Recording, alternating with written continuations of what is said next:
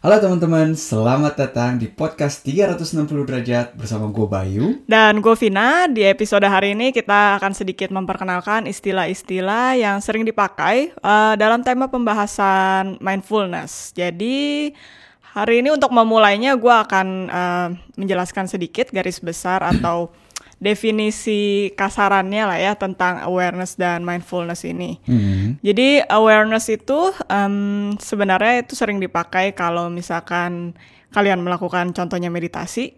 Itu tuh contohnya kayak kalau kalian pas lagi bermeditasi, kalian duduk gitu, kalian lihat uh, apa yang kalian lihat dengan mata kalian, lalu kalian dengarkan apa suara yang ada di sekitar kalian, hmm. terus kalian rasakan juga kayak misalkan baju kalian itu menyentuh kulit kalian yang kayak gitu-gitu. Jadi itu basically kayak kalian menggunakan uh, indera kalian. Jadi semua indera kalian kalian rasakan dalam uh, satu masa atau dalam satu saat itu hmm. pada waktu proses kalian contohnya bermeditasi. Nah, kalau mindfulness ini ini menurut gua tuh udah kayak one step ahead-nya gitu. Jadi hmm. setelah kalian sering melakukan awareness practice ini, kalian itu bisa um, mencapai yang namanya mindfulness. Jadi mindfulness ini definisi kasarnya adalah kalian uh, melihat situasi tanpa judgement. Contohnya misalkan di sini kayak um, lagi-lagi kalau kalian gue ambil contoh gampangnya meditasi aja ya karena yeah. ini juga sering gue lakukan. Um, jadi kayak misalkan gue kalau bermeditasi terus tiba-tiba setelah gue merasakan dengan lima panca indera itu, gue tiba-tiba kayak merasa kok gue tiba-tiba mikirin suatu hal ya? Kayak uh, makan apa ya hari ini? Kayak gitu. Iya, iya, iya, makan malam makan apa ya? Kayak gitu ada. Iya iya jadi kayak ada tiba-tiba ada pikiran masuk gitu. Terus nah uh, kalau lu sering berlatih mindfulness nah ini tuh lu kayak bisa sadar gitu. Oh kok gue lagi tiba-tiba punya pemikiran itu ya? Gitu Nah, itu jadi salah satu arti dari mindfulness. Jadi dan lu tidak kayak terbawa akan pemikiran itu kayak tiba hmm. tiba-tiba lu jadi kayak fokus, wah ntar malam gue mau pesen ini, pesen yeah, itu yeah, gitu yeah, kan. Tapi jadi kayak lu cuma sadar eh ada ada uh, pemikiran yang tiba-tiba muncul nih dan ntar ya pemikiran itu ya lewat aja gitu. Lu bisa tetap fokus sama apa yang lu kerjakan sekarang which is contohnya adalah lu saat bermeditasi itu. Jadi uh, ya itu jadi lu tidak attach akan suatu situasi atau lu tidak attach dengan emosi yang muncul dari situasi tersebut gitu. Ya, ya. Jadi mungkin kalau misalkan kita tadi pakai contoh yang pertama yang awareness kita lagi duduk, kita lagi hmm. mencoba untuk meditasi hmm. dan kita juga ngerasain oh iya nih uh, baju kita kena ke kulit kita misalnya ya. Hmm. Kita juga ngerasain rasa gatel yang muncul. Kita akan menjadi mindful kalau kita hanya mengamati aja, kalau kita hanya mengobserve aja. Jadi uh, kita nggak ngeladenin si rasa gatel itu dengan menggaruk, cuma oh ya udah ini gue lagi gua lagi ngerasain si baju ini kena kulit gua dan muncul rasa gatel. Dan kalau kita nggak ngeladenin itu dan kita cuma mengobserve itu, kita cuma mengamati itu, kita juga akan sadar bahwa si rasa gatel itu juga akan hilang dengan sendirinya. Nah, itu juga uh, berlaku tidak hanya untuk kayak rasa gatel. Nah, kalau kayak pikiran-pikiran tadi yang Vina juga tadi apa namanya? Vina juga tadi ceritain. Mm -hmm.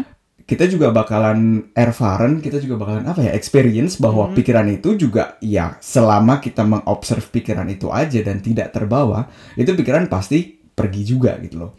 Nah ini juga kita masuk sekarang ke tema yang gua pengen omongin juga uh, istilah selanjutnya yaitu kita di sini berusaha untuk melatih mindfulness kita dengan cara mengamati. Kayak yang tadi gue udah bilang bahwa kita adalah sebagai observer.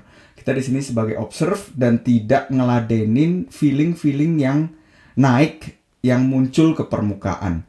Nah, contohnya adalah uh, tadi yang udah gue kasih mm -hmm. ada rasa gatel atau ada rasa kita lagi mikir. Nah, satu contoh lagi kayak misalkan rasa amarah itu misalnya lagi naik misalkan ada orang yang yang ngatain kita yang ngatain kita oh iya lu tuh uh, lu tuh jelek atau lu tuh nggak ada gunanya atau apa pun itulah ya gitu. Mm -hmm. Nah, rasa amarah kita itu naik ke permukaan. Di sini kita bisa ngeliat itu sebagai kesempatan untuk melatih mindfulness kita. Dengan cara kita mengamati si rasa marah itu sendiri. Kita mengamati kita yang lagi marah. Jadi uh, secara otomatis kita tidak mengidentifikasikan diri kita dengan si rasa amarah itu. itu tentunya simple. Gua kalau menurut gue Vin ya, itu sebenarnya simple tapi super sangat sulit karena Iya, pasti. eh ya kita kita kita kita kita terbiasa ngikut dengan emosi yang naik gitu loh dan dan kita selalu atau gue dulu sering sering sering berusaha gitu oke lu kalau marah eh, lu ladenin sampai lu reda sendiri gitu loh. Atau lu coba kalau misalkan lu lagi marah ya lu harus mencoba meredam amarah itu gitu loh. Nah eh, pengalaman gue adalah itu tidak bisa dilakukan karena itu kayak gini loh. Gue selalu ngambil eh, contoh kuda liar. Kalau misalkan gue pengen eh, tame atau pengen melatih kuda liar yang lagi pecicilan ke mana-mana, ini dia lagi pecicilan dan gue coba kalemin, ya gue bakalan didepak sama ini kuda gitu loh. Ya. Nah, em, jadi cara yang gue pakai adalah kalau gue juga tidak melihat ke si kuda liar ini, ya gue tidak akan membangun hubungan sama em, sama si kuda ini. So, cara yang gue lakuin adalah gue mengamati aja. Gue mengamati nih kuda liar pecicilan, lompat ke sana ke- kemari gitu ya. Nah, dengan sendirinya si kuda ini pun juga akan eh, capek, juga akan capek dan dia juga akan eh, mereda dengan sendirinya. Dan itu again gitu loh. Kalau kita latih itu, kita melatih meng- mengobserve dan tidak hanya dari rasa marah gitu ya. Ini berlaku untuk semua emosi yang naik ke permukaan, eh, kayak feeling dalam permukaan. Kita sekarang udah bahas tiga contoh gatel, pikiran kita mau makan apa meskipun kita sekarang lagi meditasi atau rasa marah. Bisa juga rasa yang eh, rasa yang positif gitu ya, rasa yang sangat berbahagia yang ya itu kalau kita latihan itu kita juga akan mendapatkan eh, of the Erfahrung seebene tuh apa ya? Kita akan bisa ngerasain itu eh, dan akan mengerti itu bahwa semua yang naik itu pasti turun dan Benar. semua yang turun itu pasti naik. Benar. Gitu. Mungkin itu kayak makanya dibilang kan namanya sebenarnya bukan hanya mindfulness tapi mindfulness practice. Jadi itu kan uh, latihan gitu. Seperti Iya, yang si iya. Bayu tadi bilang itu tuh susah banget. Gue Iya. waktu sama Bayu mengenal tema ini dan kita mencoba itu juga kayak aduh ini uh, seakan-akan tuh soalnya kayak lu megang loop untuk melihat diri lu sendiri lebih dalam gitu. Hmm. Ya. Dan ya again itu lu mesti mesti lakukan itu setiap hari. Mungkin hari ini lu bisa sadar eh, akan pikiran lu gitu cuma selama lima menit gitu misalkan. Ya mungkin besok lu bisa more than that gitu. Anjir, 5 menit itu udah gila loh. 5 Lima menit itu aja susah ya, Pak ya?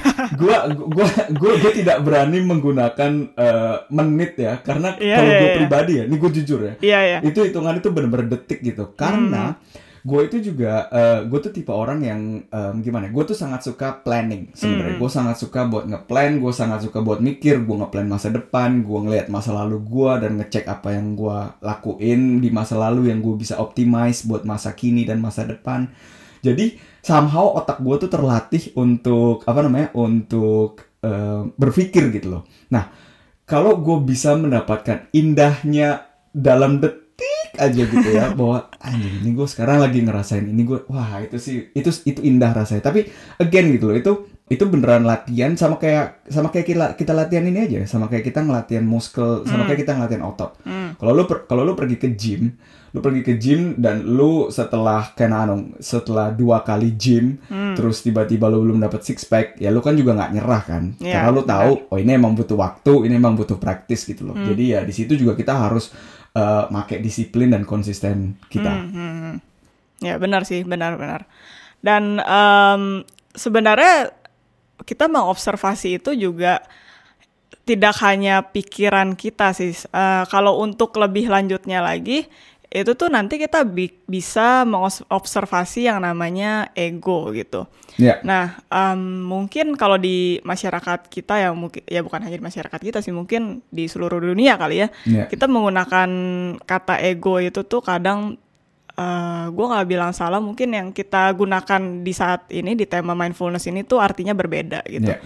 Kalau di masyarakat kan kadang-kadang kayak kalimat yang sering muncul kan, oh laki-laki tuh punya ego besar gitu. Hmm. Nah ego yang kita maksud itu tuh bukan bukan seperti itu gitu. ya Jadi ego yang kita definisikan itu adalah em, identifikasi diri kita akan suatu hal tertentu atau suatu peran tertentu. ya Eh, kayak gue kasih contoh misalkan, Kalau misalnya pasti banyak di antara kalian yang kayak di keluarganya dibilang bahwa kayak misalkan kalau mencapai untuk mencapai kayak status finansial yang bagus atau menjadi sukses secara finansial Hmm. gitu, kalian hanya harus punya akademis eh, nilai akademis yang tinggi gitu Yeah. atau harus masuk jurusan ini gitu. Ya. Nah, kalau kalian kayak dikasih doktrin itu terus dari kecil gitu sampai kalian mungkin sebelum uh, memasuki kuliah, terus um, kalian teridentifikasi dengan hal tersebut, um, kalian jadi kehilangan sense of self kalian sendiri sih kalau menurut gua. Jadi kayak misalkan suatu saat gitu ya, uh, kalian gagal untuk mencapai kesuksesan finansial itu, Hmm. Padahal kalian percaya nih kayak pokoknya kalau gue sudah melakukan A itu mesti hasilnya B. Kalau gue udah punya nilai akademis yang bagus, mestinya gue punya uh, kesuksesan finansial gitu ya. Karena itu yang gue kenal dari kecil gitu. Ya. Nah di saat kalian terlalu teridentifikasi dengan pemikiran tersebut atau ego tersebut, uh, jadi sekalinya kalian tidak mencapai si B itu, Hmm. kalian bisa merasa, waduh, gue nothing nih, kayak gue lost banget nih. Sekarang apa yang harus gue lakukan? Padahal gue udah melakukan A, kenapa hasilnya nggak B gitu kan? Ya, ya, Jadi itu itu masalah dari ego tersebut karena kalian terlalu mengidentifikasikan diri kalian pada hal itu. ya. Atau hmm, ya apa baik? Ada yang mau ditambahin? Eh, bener nggak kalau misalkan gua menyimpulkan ego itu adalah sebuah gambaran yang udah gua bentuk secara sadar atau tidak sadar tentang eh, tentang diri gua sendiri. Jadi kalau misalkan eh, contoh yang kayak lu gitu ya, yang kita ada urusannya sama akademik misalnya. Misalkan gua dari keluarga dok dokter misalnya. Bokap nyokap gue dokter, gue digedein selalu dengan doktrin, oh ya lu harus jadi dokter, harus jadi dokter. Nah, itu adalah gambaran yang udah dibentuk nih. Nah, yang Benar. dibentuk ini kita secara sadar atau tidak sadar, tidak sadar tentunya dengan doktrin-doktrin dari lingkungan luar dan secara sadar juga ya mungkin ya memang kita jadi nge-push itu juga oke gua gua adalah gua anak seorang dokter deshal oleh karena itu gua harus menjadi dokter. Nah, kalau kita tidak meraih itu, ego kita akan terluka Benar, benar banget. dan itu adalah menurut gua pengertian yang sangat penting Vin. Karena em, di saat lu tahu bahwa yang terluka itu bukan lu tapi ego lu lu jadi eh, mendesidentifikasi apa ya? Bantuin gua Vin. Apa ya? Enggak kalau gue sih langsung straightforward seakan-akan kalau misalkan lu uh, tiba-tiba keluar atau misalkan ego lu itu terluka, kalau yang gue rasain dulu ya karena gue teridentifikasi dengan suatu ego, kayak misalkan Hmm. Apa ya ya apalah whatever it is jadi kayak langsung hancur gitu loh kayak apa bingung gitu loh sekarang gue ini apa gitu peran apa yang harus gue mainkan gitu kayak ya ya ya jadinya iya jadi kayak kehilangan eh, status gitu tanda kutip ya. Ya ya ya ya, ya itu sih yang gue rasakan. Hmm. sama sebenarnya itu juga tidak hanya hal positif yang kayak se- sebenarnya kan mengajar akademis yang bagus itu kan hal positif juga ya sebenarnya ya bisa aja lu mencapai itu Hmm. cuma setelah lu mengidentifikasikan diri lu dengan itu lu tuh jadi menutup possibilities lain yang ada gitu Yeah. Uh, lu tidak sadar bahwa mencapai kesuksesan finansial itu tidak hanya dari nilai akademis yang baik gitu ya ya tapi ya. karena lu sudah fokus ke satu poin itu, jadinya ya lu tidak terbuka akan ide-ide yang lain gitu. Ya. Sama halnya kalau dari sisi sebaliknya yang negatif gitu. Kayak lu dibilang dari kecil atau dari lingkungan itu, dari lingkungan sosial, mereka bilang kayak lu tuh miskin, lu nggak bakal Hmm, bisa lah hmm. jadi orang kaya gitu. Kita udah terakhir miskin lah yang kayak Ya. gitu-gitu. Dan lu jadi percaya, oh iya nih gua nih miskin, gua nggak bakal bisa lah kayak gitu. Ya. Jadi mau orang memberikan lu motivasi kayak apa pun kalau lu udah mengidentifikasi Percuma. diri lu, iya itu percuma. Jadi lu tuh nggak bisa move on. Ya itu sebenarnya mostly menurut gue sih nggak sadar ya, bay. Itu pemikiran itu masuk Iya. atau ego itu terbentuk di diri lu tuh lu nggak sadar gitu. Iya. Sampai at some point lu jatuh dan lu sadar bahwa ego itu is a liar, iya iya bukan lu gitu. iya iya Gitu. itu itu benar banget gitu gue setuju sama lo gitu dan jadi kalau lu di, menyimpulkan semuanya jadi problem itu muncul kalau apa Vin Hmm, sulit ya dibilang ya. Kadang tuh em, menyadari problem itu saat lu udah benar-benar di bawah sih, Bay. hmm. Iya, saat lu kayak istilahnya sudah ditampar gitu. Hmm, Nah, hmm. sebelum lu ditampar itu kayaknya susah untuk uh, menyadari itu. Makanya tujuan kita kan sebenarnya di di podcast ini juga salah satunya mengajak teman-teman ya siapa tahu kalian bisa merefleksikan diri apakah ternyata kalian itu selama ini oh iya ternyata gue kayak menjalani hidup ini uh, based on ego gue bukan diri gue yang sebenarnya gitu. Yeah, yeah, yeah, Karena gue juga sendiri tidak menyadari hal ini atau mungkin lu juga punya pengalaman yang sama gitu. Hmm. Tidak menyadari tema ini juga sebelum gue benar-benar berada di bawah gitu yang sama sekali gue nggak tahu mesti ngapain. Yeah. Sampai akhirnya gue sadar ya ternyata emang gue itu tidak uh, menjadi diri gue sendiri gitu. Ya, ya, ya, ya.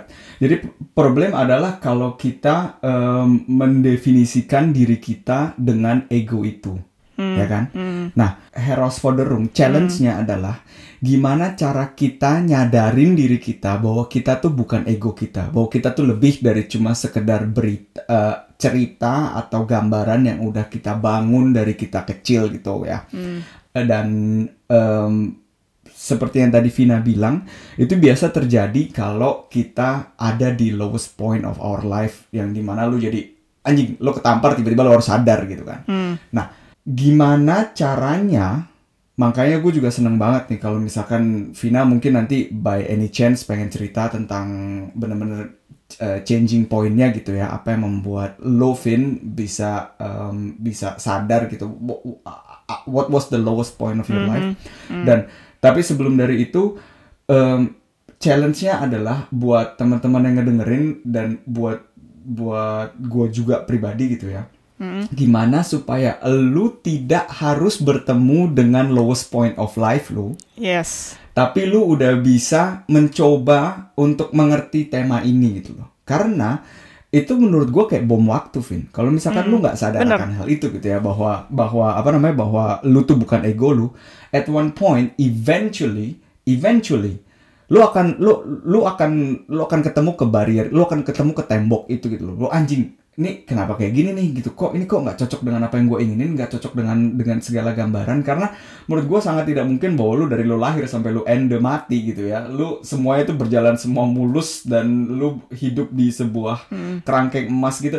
Itu sih benar. menurut gue pribadi itu nggak mungkin gitu loh. Ya, jadi benar, ya benar. itu sih maksud gue untuk bisa menyadarin itu dan untuk bisa proaktif mengambil uh, inisiatif untuk mengerti mengambil waktu gua itu bukan ego gua.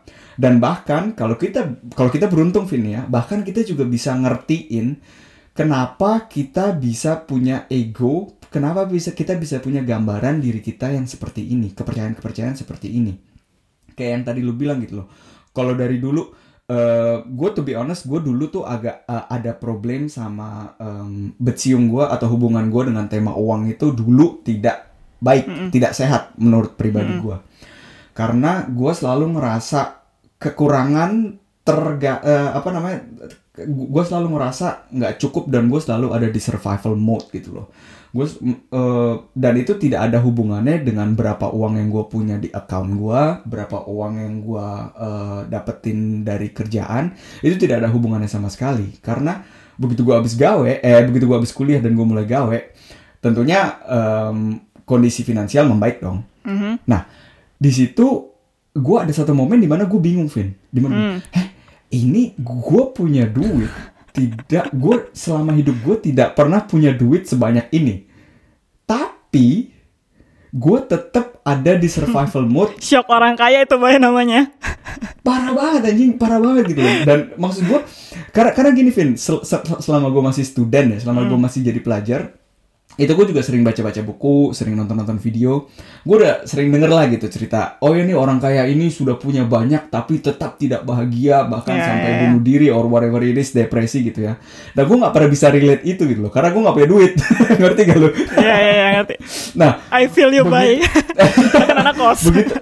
Iya iya makanya. Nah begitu gue udah mulai gawe, tentunya gue belum miliarder gitu hmm. ya, belum belum miliarder, yeah. tapi gue udah bisa ngerti itu tak uh, di gue sangat bersyukur dengan pengertian gue ini juga gitu loh. Gue bisa ngertiin itu di uh, di di di titik ini juga gitu loh bahwa hmm. oh ternyata uang itu um, apa rasa yang gue punya ego ego yang yang takut gitu loh akan akan gue bisa hidup nggak ya atau gimana cara gue gimana cara gue bisa nunjukin keluar bahwa gue punya or whatever it is gitu ya Yes. ego itu tuh tidak ada hubungan dengan uang yang lo punya gitu. Nah setelah gue ngertiin itu, baru deh tuh, gue bersyukur akan setiap sen uang yang gue dapetin, juga gue bersyukur dengan setiap sen uang yang bisa gue keluarin, either itu buat makanan atau buat apa pun itu.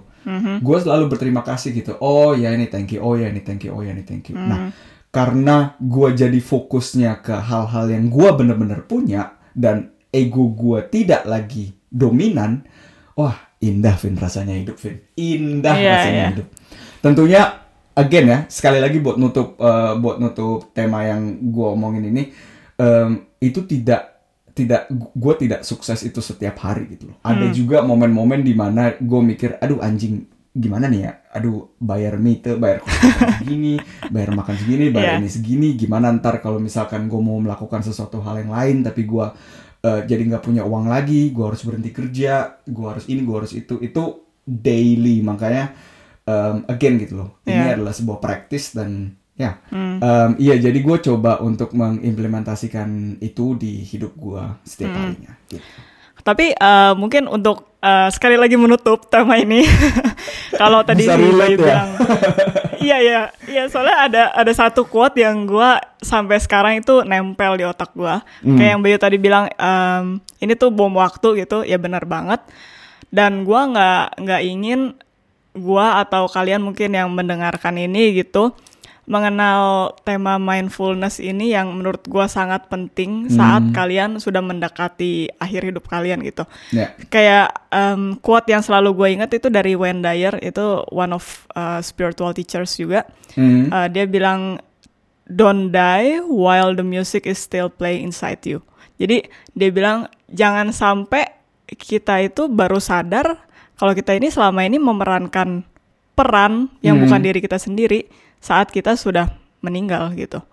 Jadi jangan sampai deh sampai ke poin itu dan lu sebenarnya tidak hidup sesuai dengan apa yang Apa lu yang lu mau mau, dan ya. tidak menjadi diri lu sendiri gitu. Ya. Benar. Ya. Ya. Dan kalau lu udah terlepas dari itu, dari si ego ini, lu juga sebenarnya bisa lebih menerapkan konsep compassion dan acceptance gitu. Hmm. Uh, mungkin Bayu sih yang lebih bisa menjelaskan ini ya. Hmm, ya, compassion dan acceptance. Di mana kita sudah berhasil, bukan berhasil ya, sudah bisa mengerti lah. Karena berhasil itu eh, Relatif, subjektif ya. ah, ah, ah, relatif dan subjektif. Em, tapi kalau kita sudah bisa mengerti ini bahwa kita bukan ego kita gitu ya, em, kita jadi bisa numbuhin eh, yang namanya acceptance. Acceptance adalah poin atau momen di mana kita bisa menerima semua dengan apa adanya dan bukan seperti apa yang kita inginkan. Contoh, contoh aja nih. Hmm, Balik lagi ke ke ke yang ke contoh kita yang paling awal. yes. Kalau kita lagi me- meditasi, kita lagi meditasi, kita lagi duduk, kita mengamati, kita observe, ya kan? Kita mengamati eh, tubuh kita dan emosi eh, emosi-emosi kita, feeling-feeling yang naik ke permukaan. Kita ngerasa kulit kita eh, kena ke baju dan kita ngerasain itu gatel. Nah, di sini kalau kita lagi melatih acceptance, kita ngelihat bahwa kita ini bukan si rasa gatel gitu ya. Hmm, Ya, kita akan menerima ya udah, ini rasa gatel lagi muncul dan satu hal yang gue tahu, rasa gatel ini bakal hilang juga. Itu contoh acceptance. Di mana the other side of the coin gitu ya dari dari acceptance lawannya acceptance itu misalkan kita ngerasain rasa gatel ini dan kita ngeladenin dan kita ngegaruk itu hmm, ngerti gak? hmm, hmm, hmm. Jadi itu sih eh, apa namanya contoh yang acceptance mungkin nggak tahu deh. Lu ada contoh lain nggak? Gue tadi contoh Hmm. kepikiran yang cuma yang lagi gatel doang. Apa ya? Kalau gua sih kayak dulu yang sering ini deh berada di macet sebagai anak Jakarta yo, anak Jakarta yang Iya, iya, selalu iya. tiap hari kena macet. Ya, ya, ya, ya. Nah itu dulu tuh gue kalau kena macet ya Hmm. awal-awal yang kayak lagi mulai dari macet-macetnya itu Ya. kayak tahun sekitar tahun 2010 atau berapa lah itu. Hmm. Nah itu tuh gue awal-awal macet kayak aduh kesel banget ya macet lagi macet lagi yang kayak gitu. Cuma setelah makin eh, ke sini gitu kayak ngapain ya kesel ya udah maksudnya macet ya ya udah terus mau Mau mau ngapain ngapain gitu. gitu kan. Hmm. Iya nggak ada yang bisa lo lakukan gitu. Jadi ya udah terima aja memang itu situasi yang ada gitu. Ya kenapa lu tidak gunakan untuk sebagai uh, mungkin waktu merefleksikan diri gitu di dalam mobil gitu. Yeah, atau yeah, lu nyanyi nyanyi yeah, yeah. sendiri yang di mana lu mungkin nggak pernah dapat kalau di rumah gitu. Yeah, nah yeah. ya ya itu sih. Kalau gue sih dulu yang paling gue inget ya itu macet. Karena gue marah-marah mulu dulu kalau macet. Sekarang mah ya ya udahlah macet gitu. Ya. Nah itu gini nggak sih Vin? Kalau misalkan lu fokusnya ke si rasa macet itu eh ke macet itu lu akan menjadi kesel. Tapi kalau lu menerima itu, lu jadi punya ruang energi dan punya ruang waktu untuk mikirin, oke, okay, ini macet. Tapi apa yang bisa hmm. gue lakuin ya? Ngapain ya enaknya? Benar gitu gak sih? Iya benar banget, benar banget. ya, terus um, tadi yang kedua adalah compassion. Compassion itu adalah rasa kasih sayang. Tapi yang kita maksud di sini adalah bukan kasih sayang yang seperti uh, gimana ya? Gue sayang lu dalam in a romantic way atau kasih sayang ibu kepada anak bukan itu bukan bukan itu yang kita maksud tapi bener-bener rasa kasih sayang yang sangat mendasar gitu loh mm -hmm. di mana um, balik lagi ke contoh yang tadi gue udah ngomong atau Vina yang ngomong uh, di mana kalau ada orang yang ngatain kita misalnya orang ngatain kita uh, mm. atau melakukan sesuatu kejahatan ke kita mm. gitu ya melakukan satu hal gitu ke kita nah kalau kita udah bisa lepas dari ego kita, kita mungkin for a second kita ngerasa get triggered gitu ya. Oh ya anjing ngapain nih orang ngatain gue gitu kan. Nah tapi kalau kita bisa mengamati ego kita dan kita sudah uh, terlatih gitu dan kita udah tahu oh feeling yang naik ini bukan gue tapi itu adalah ego gue yang terluka oleh kata-kata kasarnya misalnya gitu. Hmm. Nah kita bisa menjadi lebih compassionate karena kita tahu gitu loh. Kita, orang ini yang ngatain kita, itu sebenarnya uh, hatinya lagi terluka atau dia tidak tahu apa yang dia lakukan hmm. karena dia sendiri juga terbawa oleh emosinya karena dia tidak bisa mengidentifikasikan dirinya dengan egonya hmm. karena gue percaya satu hal Vin hmm. cuman orang-orang yang berada di posisi yang tidak baik dalam hidupnya gitu ya hmm. sadar atau nggak sadar ya. hmm. ya dan gue posisi tidak baik juga tidak berbicara tentang material tapi hmm. benar-benar dari dalam hati lu gitu dari dari dari dari jiwa mentally lu dari gitu ya? soul lu gitu hmm. uh, mentally gitu hmm. nah kalau hanya orang-orang yang berada di posisi tidak baik yang bisa menyebarkan kebencian atau ke perkataan kasar or whatever it is gitu loh. Hmm. Dan ya, nah kalau kita udah terbiasa untuk mengobserv ego kita, kita jadi tidak terluka lagi. Ini gue agak sedikit ngulang sama yang tadi gue ngomong karena mm -hmm. ini sangat penting untuk dimengerti gitu loh. Buat gue mm -hmm. pribadi juga. Mm -hmm. um, kita tidak reminder, uh, uh, uh, reminder gitu. Jadi kita bisa lebih compassionate ke ini orang dan bahkan kita sampai ke level di mana kita mendoakan, berharap yang terbaik buat ini orang gitu loh. Semoga mm -hmm apa pun yang lu punya di dalam diri lu, semoga lu bahagia dengan hidup lu hmm. dan dan dan dan dan. Hmm. Um, itu sih apa namanya menurut gua apa artian dari compassion um, bukan menurut gua ya, menurut kita hmm. hmm. apa artian dari compassion gitu. Hmm.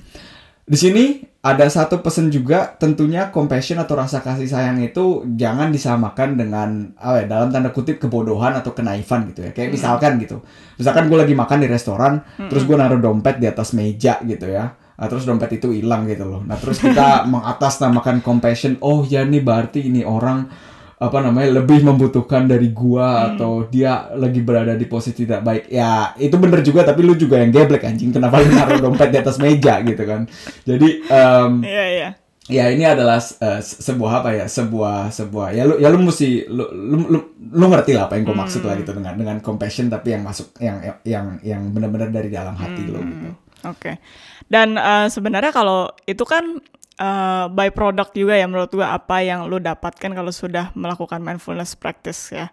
Yeah. Atau itu ya mungkin jadi kayak proses di tengah pembelajaran ini. Hmm. Satu hal lagi yang bisa lu dapatkan atau yang kalian dapatkan, uh, eh, gue sendiri juga merasakan ini gitu adalah uh, gue mendapatkan kedamaian sih. Kayak hmm.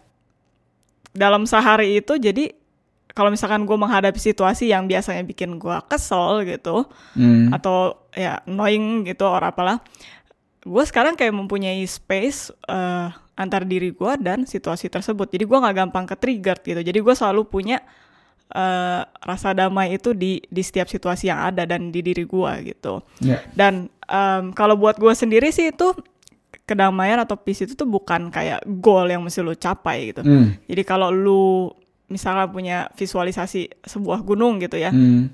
peace itu tuh bukan ada di top of the mountain gitu. Ya. Menurut gue itu tuh peace itu sesuatu yang lu dapatkan selagi lu mencapai, eh, selagi lu kayak berjalan menuju eh, puncak gunung itu gitu. Ya. Dan itu sih hal yang luar biasa sih Iya. menurut gua mendapatkan itu di setiap hari-hari lu gitu. Ya, ya. Dan em, apakah damai yang lo maksud ini ada urusannya dengan dengan outside world atau bener-bener cuma dengan diri lu aja?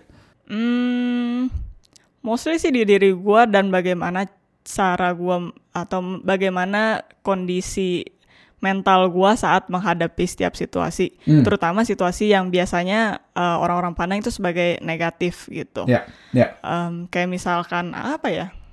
Ya kayak kegagalan-kegagalan atau mungkin ya perkataan yang sebenarnya sepele gitu. Hmm, hmm. Tapi lu merasa kayak terluka gitu. Dan sekarang gue sih merasa kayak kalau ada yang kayak gitu-gitu kayak sedikit mental-mental aja sih dari gue jadi kayak Ya, ya, kayak ya udah lewat aja gitu. Ya. dan itu sih ya gue seneng banget sih gue gue punya itu sekarang gitu. Walaupun nggak belum perfect dan gue mempunyai itu di 24 jam hidup gue yang gua yang kayak Bayu bilang tadi jangan jangan dimenitin gitu. Cuma ya itu udah gue merasa itu much better dari diri gue yang dulu gitu Ya, ya, ya, ya. dan ya membahas peace itu eh, kayaknya kita harus menyudahi istilah-istilah ini Ya, ya. Em, semoga eh, teman-teman juga em, sedikit memiliki gambaran apa sih sebenarnya yang kita omongin selama ini. Hmm. Kayak kemarin di episode 0 kita kan kayak sebutin mindfulness terus, Ya. tapi kalian mungkin masih kayak bingung kan apa sih gitu. Dan em, istilah-istilah ini juga tentunya nanti kita akan pakai terus kayak di beberapa episode eh, berikutnya Ya. itu dan em, ya semoga bermanfaat buat teman-teman semua. Eh, kalau bisa kalian support kita dengan cara subscribe ke channel 360 derajat di YouTube dan eh, follow podcast kita juga di Spotify. Dan ingat juga untuk share ke teman-teman kalian semua dan kita bisa bersama-sama mencoba untuk mengamati dari setiap sisi untuk bisa lebih mengerti. Karena pandangan kita belum tentu realita yang ada. Jadi sampai ketemu lagi di episode berikutnya.